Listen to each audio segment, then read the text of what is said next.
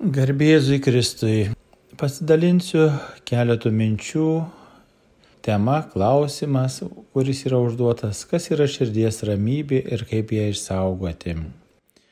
Mums krikščionims, katalikams yra gera ir lengva ieškoti atsakymų į visus gyvenimo klausimus, pirmiausiai Biblijoje, šventajame rašte, o ypatingai viešpaties Jėzaus pamokymuose nes mes žinome, kad Jėzus kalbėjo apie ramybę, pats buvo ramus, pats buvo romumas, galima taip drąsiai sakyti, nes ir kai mes žvelgime į viešpatį Jėzų, kaip jis kantriai, kaip jis ramiai, ypatingai pasišaukęs mokinius, dvylika juos mokė.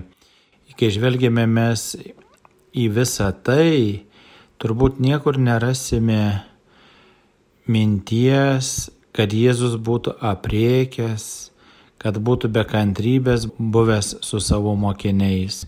Mes žinome, kad Jėzus nesusierzina nei vakar, nei šiandien, nei ryt.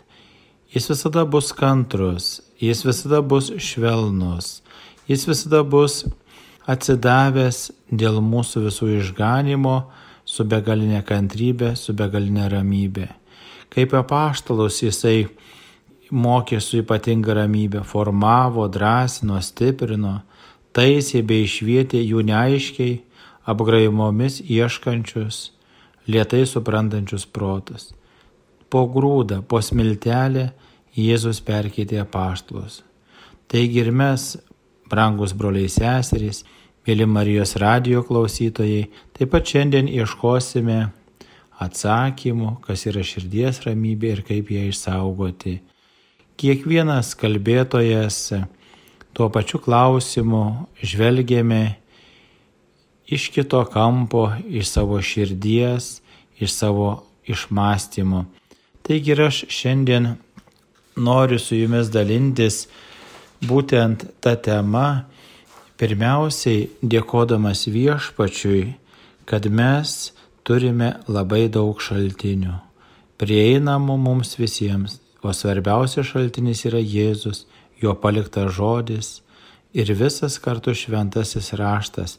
Taigi šventajame rašte, jeigu mes atidžiai panagrinėjame, randame aibę žinių, kad Dievas trokšte trokšto, kad žmogus gyventų ramybėje. Geriau jisai sako, žmogus bus su savo saplota, bet ramus. Taip pat Izaijas pranašas kalba, kad gims mums ramybės kunigaikštis, kad Dievas nesviruojantiems duoda ramybę. Taigi visas šventasis raštas nuo pat Senojo testamento pirmųjų knygų iki pat pabaigos kalba apie ramybę. Ir Jėzus sako, į kuriuos namus užeisite, tarkite ramybę šiems namams. Kai prisikėlė, atėjo pas apaštalų tarė ramybė jums. Taigi ta žinia, pagrindinė žinia, kad Dievas trokšta, kad žmogus ramiai ir laimingai gyventų, jisai kalba per visą savo žodį, nes Dievas nori, kad žmogus būtų laimingas. Ir liaudėje kartais yra sakoma, laimingi mes tada, kada prie stalo. Taigi, kai susėda šeima, kai visi susirenka, visi tada yra ramus, nes po dienos darbų, po rūpeščių yra laimingi žmonės, kai susėda ir bendrauja vieni su kitais. Taigi ir šiandien mes prašysime Dievo malonės tame apmąstymė, kad kiekvienas atvertume savo širdis ir stengtumėmės truputį pakeliauti, ieškojame, kas yra širdies ramybė ir kaip ją išsaugoti. Ir dar kartą čia prisimena viešpats Jėzus, kad Jisai perėjo žemę darydamas gerą, nes žmonės troško būti sveiki, laimingi, troško santarvės.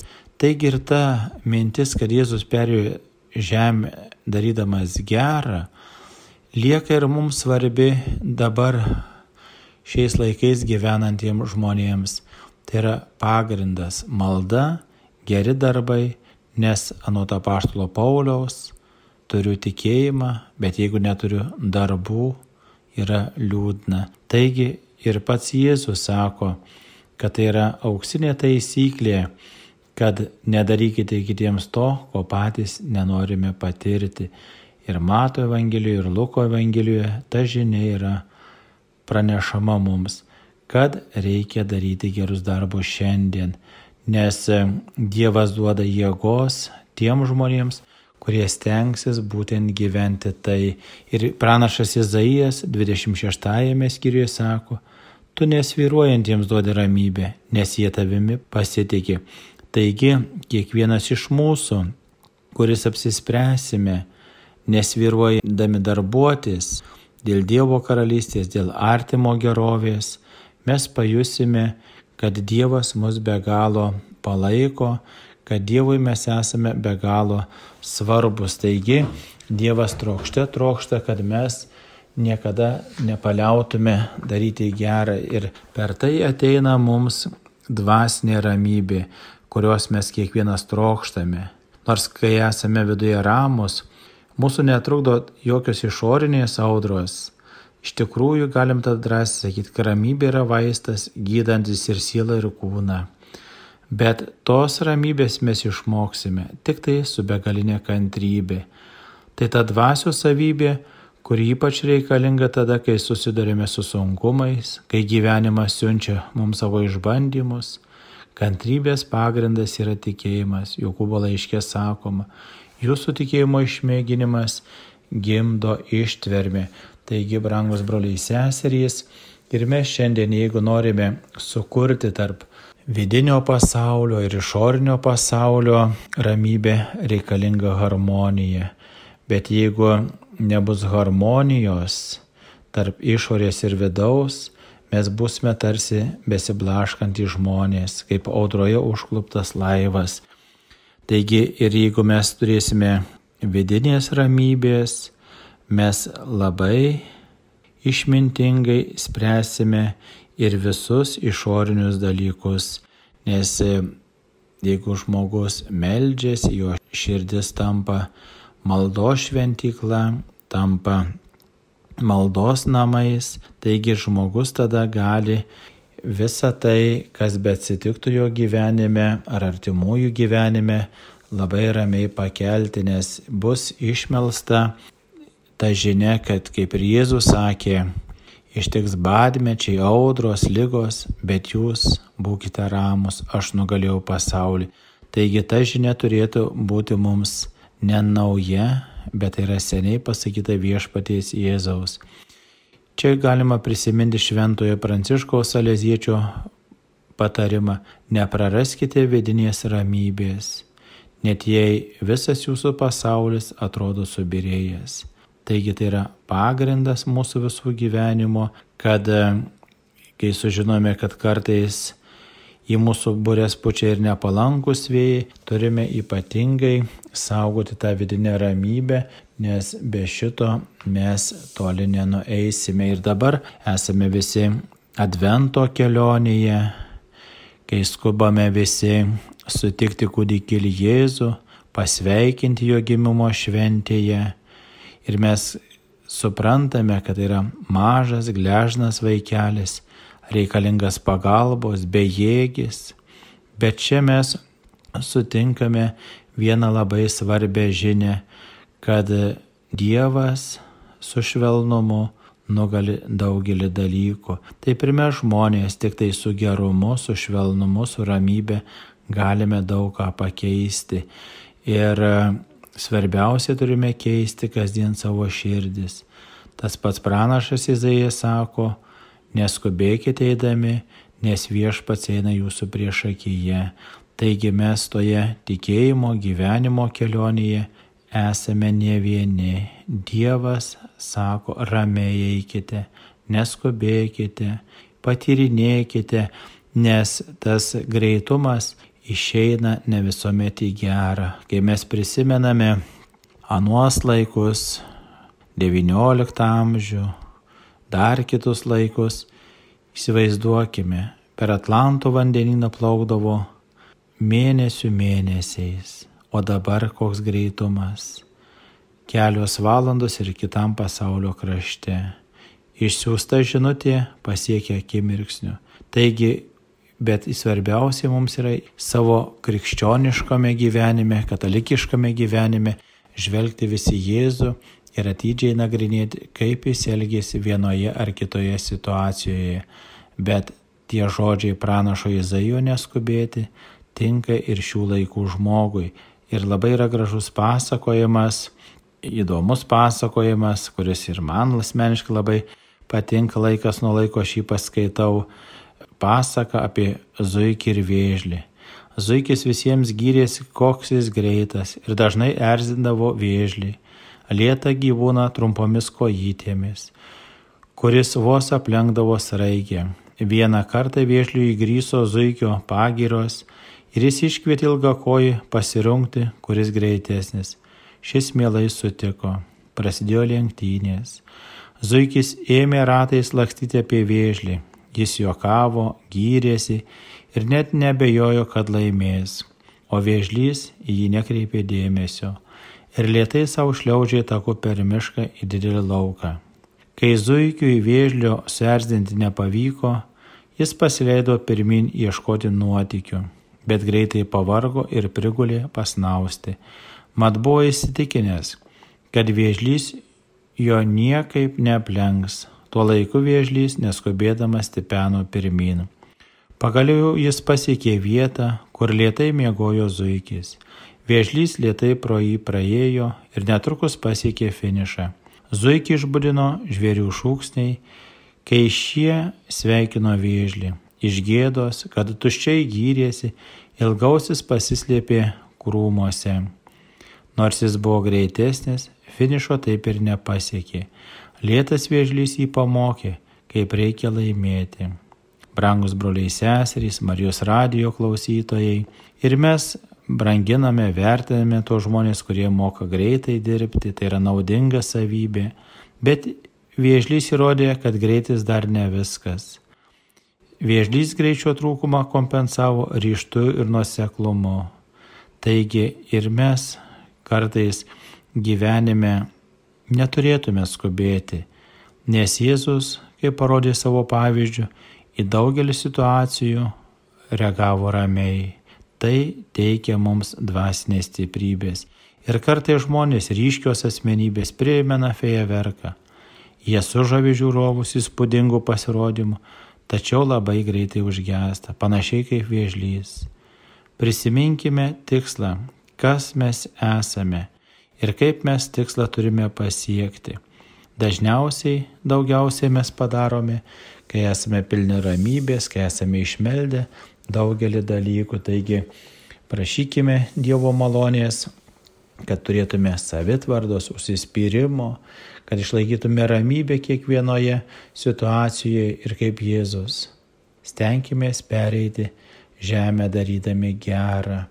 Ir rusų literatūros klasikas Levas Tolstojus sakė, gyvendami šiame pasaulyje mes turime tarnauti žmonėms. Pasirinkę tarnystės kelią kartais kenčiame, bet kur kas dažniau patirime didį džiaugsmą, nesuprantame, kad egzistuoja tikslas didesnis už asmeninės laimės sieki.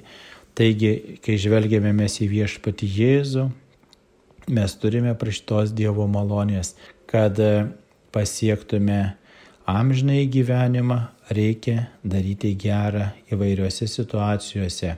Bet mes gerą, kad darytume, tas turi plaukti iš širdies. Ir dar vienas gyvenimiškas pavyzdėlis buvo antroji Kalėdų diena Šventojo Stepono šventė. Bohemijos karalius Vaclovas rymojo savo rūmose prie lango ir žvelgė į tolį. Jam už nugaros krosnėje degė smagiai ugnis. Karalius buvo sočiai pavalgęs, jo širdis buvo kupina kalėdų džiaugsmo. Staiga karalius Vaslovas pro sukuriuojantį sniegą pastebėjo laukuose kažką judant. Tai galėjo būti laukinis gyvūnas, o gal koks pasimetęs šuo. Tačiau atidžiai įsižiūrėjęs įsmeigęs akis į pūgą, jis suprato, kad tai žmogus. Vaclovas pasišaukė pažą, vieną iš jam tarnavusių jaunuolių. Kas jis toks paklausė. rodydamas pirštų pro langą. Akilai pažvelgęs pažas guštelėjo. Tai senyvas valstietis. Man rodosis vardu Vladimiras. Tikriausiai išėjo pasirinkti malkų, kurį laiką karalius stebėjo žmogų sniego sukūriuose. Paskui ėmė galvoti apie visus patogumus, kuriuos jis turi savo rūmose. Kur jis gyvena, paklausė valdovas. Toli nuo čia kalno papėdėje atsakė pažas. Kodėl manęs to klausėte? Nes eisime jam padėti, atsakė karalius, suplojęs ranką pažui per petį ir liepė atnešk maisto, taip pat atnešk glėbį gerų sausų malkų, keliausime pas jį namus. O kaip jūsų svečiai paprieštaravo pažas? Ir kalėdų puota? Kaip galiu puotauti, kai tas vargšelis negali net sušilti atsiduso karalius? Maisto malko, paliepė dar sykį. Ir šį kartą tai ištarė tokiu įsakmiu balsu, kad jaunuolis nedryso nepaklusti. Siaučiant pūgiai karalius ir pažas išėjo iš rūmų, brido per gilų sniegą, vieną šalia kito, pilnais glėbiais dovanų. Vėjo gūsiai bloškė sniegą į veidus, valstiečio trobelė buvo labai toli. Neilgai trukus pažas pavargo ir ėmė atsilikti. Gerasis karalius Vaclovas mintelė staptelėjo ir susimastė. Jis norėjo pagelbėti vargstančiam valstiečiui, tačiau nebuvo teisinga, dėl to statyti į pavojų savo jaunojo tarno gyvybę. Jau buvo besiunčias pažą namo, tačiau staiga jam šovė mintis. Eik už manęs, vaikinė maloniai tarė, statyk kojas į mano pėdas, gal tai padės. Taip ir padarė. Kai pažas statė kojas į savo šeimininko pėdas, jam atrodė, kad žemė po kojomis šiltesnė, sušildyta karaliaus žingsnių. Dabar buvo lengva keliauti net sningant, keliauninkai nei nepajuto, kai priejo valstiečio trobelę. Senasis Vladimiras netikėjo savo akimis, kai tarpdurį išvydo karalių ir dar labiau nustebo, kai valdovas ėmė dėti priešais įgausias savo dovanas, tardamas Malkos, Malkos, linksmų šventų kalėdų. Taigi, brangus broliai seserys, mėly Marijos radio klausytojai, šitie dalykai, artimo meilės dalykai, išplaukia iš mūsų kasdienės maldos. Ir iš tikrųjų malda turėtų būti mūsų gyvenimo būdas, o ne atskirų veiksmų virtinė. Kai mes kasdien melisimės, kaip ir psalmininkas sako, šlovinkite viešpatį nuo saulėtekio iki saulėlydžio. Taigi ir laiškė kolosiečiams primenama, būkite atsidėję maldai. Taigi jeigu kas mažiau dabar melžiamės, Padarykime kaip ir mažą pasiryžimą, kad šiame advente, šiame sunkiame laikotarpyje, kad galėtume ramiai toliau visi keliauti ir per tuos triukšmus pasaulio, per visokius sumaištis, per visokius chaosus, mes, kad galėtume ramiai keliauti, reikia prašyti Dievo malonės, kad mūsų širdyje atsirastų noras vėl melstis. Nes malda mus paskatina būtent gražiems darbams, gražiems žygiams, taip žvelgime į motiną Teresę iš Kalkutos. Pirmiausiai jinai melsdavosi, adoruodavo viešpati Jėzų, galima drąsiai sakyti ramybę, ir tyliai, ramiai darbavosi, kad žmogus artimas būtų bent truputį laimingesnis. Taigi iš tikrųjų Jeigu mes nepamiršime maldos, nepamiršime Jėzaus priesakų, nes jis perėjo žemę darydamas gerą. Ir iš tikrųjų mūsų visų krikščionių, mėly Marijos radijo klausytojai, gyvenimo tikslas tegu būna padaryti šį pasaulį truputį geresnį, nei jis buvo tada, kai čia mes atėjome. Taigi ir mes dabar keliaujame į vilties šventę, į kūdikėlio gimimo šventę, nes Kūdikėlis Jėzus mus skatins vėl savo gležnomis rankutėmis apkabinti visus žmonės, skatins mus toliau gyventi pagal jo paliktą žodį ir ramiai darbuotis kiekvieną dieną, kad mes labiau patys taptume geresni ir mūsų aplinka taptų geresnė, bet svarbiausiai, kad mes patys norėtume keistis. Ir iš tikrųjų, brangus broliai seserys, mėly Marijos radio klausytojai, jeigu mes norime kad kažkas keistusi, tai pirmiausiai viską turime pradėti nuo savęs, nuo savo vidinio gyvenimo, nes vidinis gyvenimas ir išorinis gyvenimas, jie turi būti harmonijoje. Ir jeigu mes e, kartais esame paliesti kokios tai gyvenimo audros, jeigu prarastume ramybę, būtų be galo sunku, nes niekas nežinome, kas bus rytoj. Taigi stenkimės kasdien suderinti vidų ir išorę, viską padaryti, sujungti į harmoningą visumą. Taigi ir šventasis Augustinas labai gražiai sako, aš ieškojau Dievo išorėje, bet radau jį tik savo viduje. Kokie palaiminti šventi Augustino žodžiai. Ir sakoma, ko pertekus į širdis, kalba lūpos. Taigi ir šventasis Augustinas dar kartą mums tegu primena, aš ieškojau Dievo išorėje, bet radau jį tik savo viduje. Taigi mums kartais atrodo, kad Dievas yra išorėje, bet jeigu Dievo nėra širdyje, negali būti jo ir išorėje. O išorėje pasireiškia Dievo meilė per gerus darbus. Iš tikrųjų Dievas kuria dalykus, kurie yra ne tik be galo dideli, bet ir be galo maži. Taigi ir mūsų dvasinių pastangų vaisiai tegu būna kasdien po truputį vis artėti prie viešpaties per kasdienę, kad ir pačią trumpiausią maldą. Brangus broliai, seserys, mėly Marijos radio klausytojai, tas amžinas klausimas, kas yra širdies ramybė ir kaip ją išsaugoti. Iš tikrųjų, mes visi trokštame to širdies ramybės, nes per tai, kai mes turėsime širdies ramybę, mes gausime labai daug dovanų. Ir kai turėsime ramybę, žinosime, kad tai yra gydanti vaistas ir siela ir kūną, nes kai mes ramiai stengsimės išgyventi visokias gyvenimo situacijas ir džiaugsmo, ir liūdėsio, Kai žvelgsime į gyvenimą per Jėzaus prizmę, mes pajusime, kaip viešpats Jėzus su ramybė ėjo pa žmonės ir gydė, ir prikėlė numirusius, nušuostydamas nuo savo skrosto ašarą, jisai stengiasi parodyti, kad kiekvienoje gyvenimo situacijoje reikia stengtis elgtis ramiai. Nes iš tikrųjų, brangus broliai seserys, Mėly Marijos radijo klausytojai, mūsų visų gyvenimas yra mokykla. Ir toje mokykloje mes mokomės gyvenimo pradžioje vaikščioti, kalbėti, valgyti, bendrauti su žmonėmis. Paskui mokyklą, kai lankėme, mokinomės skaityti, skaičiuoti, rašyti istorijos, gamtos, geografijos mokslo, piešimo, muzikos. Paskui aukštosios mokyklos, universitetai, koledžai bibliotekų lankymas, knygų skaitimas, domėjimasis. Visa tai turi tęstis iki mirties.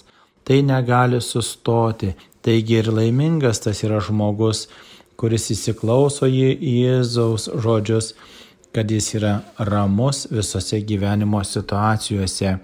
Ir ypatingai atkreipkime dėmesį, iš kur plaukia ramybė. Ramybė plaukia kai žmogus yra sąžinėje ramus, kai jo sąžinė nesmerkia.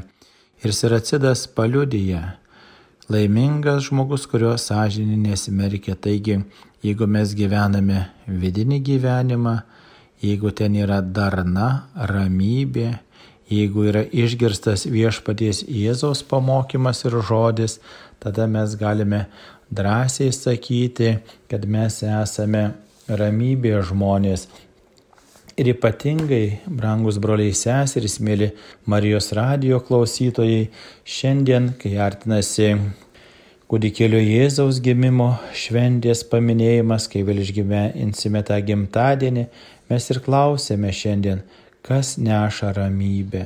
Mes žinome, praėjo daug karų, daug praėjo sunkumų visokių pasaulyje, daug imperijų buvo, bet ramybės nėra. Kad ir žiūrėkime dabar demokratiją, rinkimai.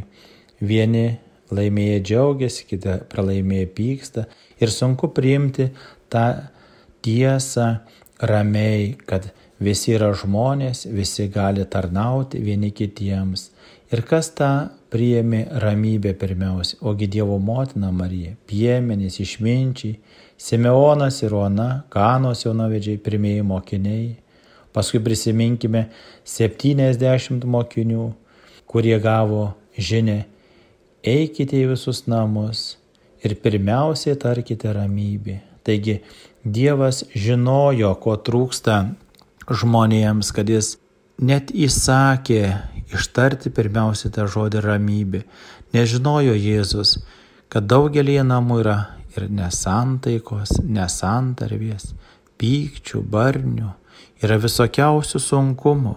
Taigi tos ramybės reikia ir geruose namuose, o ypatingai reikia tuose namuose, kur yra susiskaldimas.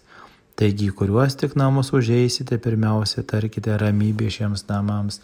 Taigi, Jėzus žinojo, kad e, jeigu apaštlai mokiniai ir mes visi krikščionys pirmiausiai užėjai namus tarsime ramybė šiems namams, tai bus labai gerai, nes Jėzus kviečia mus, kad mes neštume ramybę. Nesvarbu, ar mes kartais patys sergame, ar sunkiai jaučiamės, bet tą žodį galime mes ištarti, nes be ramybės vyksta tada susiskaldimas, vyksta visokie siautėjimai, kaip ir Jėzus sakė, bet nebijokite, manyje atrasite ramybę, pasaulyje jūs laukia priespauda, bet jūs būkite drąsūs. Taigi, brangus broliai seserys, ir Jėzus sako, aš jūs siunčiu, eikite ramybėje. Taigi, brangus broliai seserys, jeigu norime išsaugoti ramybę, Ir vėl klausti, kas yra širdies ramybė, atsakymas Jėzuje. Nėra kito atsakymo. Pasaulis negali duoti ramybės. Ramybę gali duoti tik tai kūdikėlis Jėzus. Tik tai, kai išgyvensime Advento laiką, išgirsime ir laiškė romiečiams parašytų žodžius visiems Dievo mylimiesiems ramybė. Taigi ir Kitame laiške romiečiams antrame primenama, kuris daro gerą yra ramybė. Taigi vėl prisimename tuos nuostabius Jėzaus žodžius, ištartus mokinių. Jėzus perėjo žemę darydamas gerą. Taigi ir kas iš tikrųjų išsaugos ramybę iki galo, tai yra dvasinė kova, nuolatinė kova iki paskutinio atodusio Ir mes turime prašyti, kad Dievas sergėtų mūsų širdis Kristuje Jėzuje, kad mes pereitume irgi darydami gerą šioje žemėje, nes tik darydami gerą, melsdamiesi, mes ištversime iki galo. Laiškėtė su lankiečiams primenama, pats ramybės Dievas iki galo jūs te pašventina. Taigi ramybė yra be galo reikalinga Dievo dovana. Taigi prašykime Dievo malonės ir sveikinu visus nuo širdžiai su kūdikėliu Jėzaus gimimo švente. Ta malonė ir ramybė te auga mumyse visose. Su jumis dalinuosi mintimis, kas yra širdies ramybė ir kaip ją išsaugoti. Kunigas Tas Išlepavičius, Klaipėda, Kristaus karaliaus parapija, Vikaras, garbėjai Jėzui Kristui.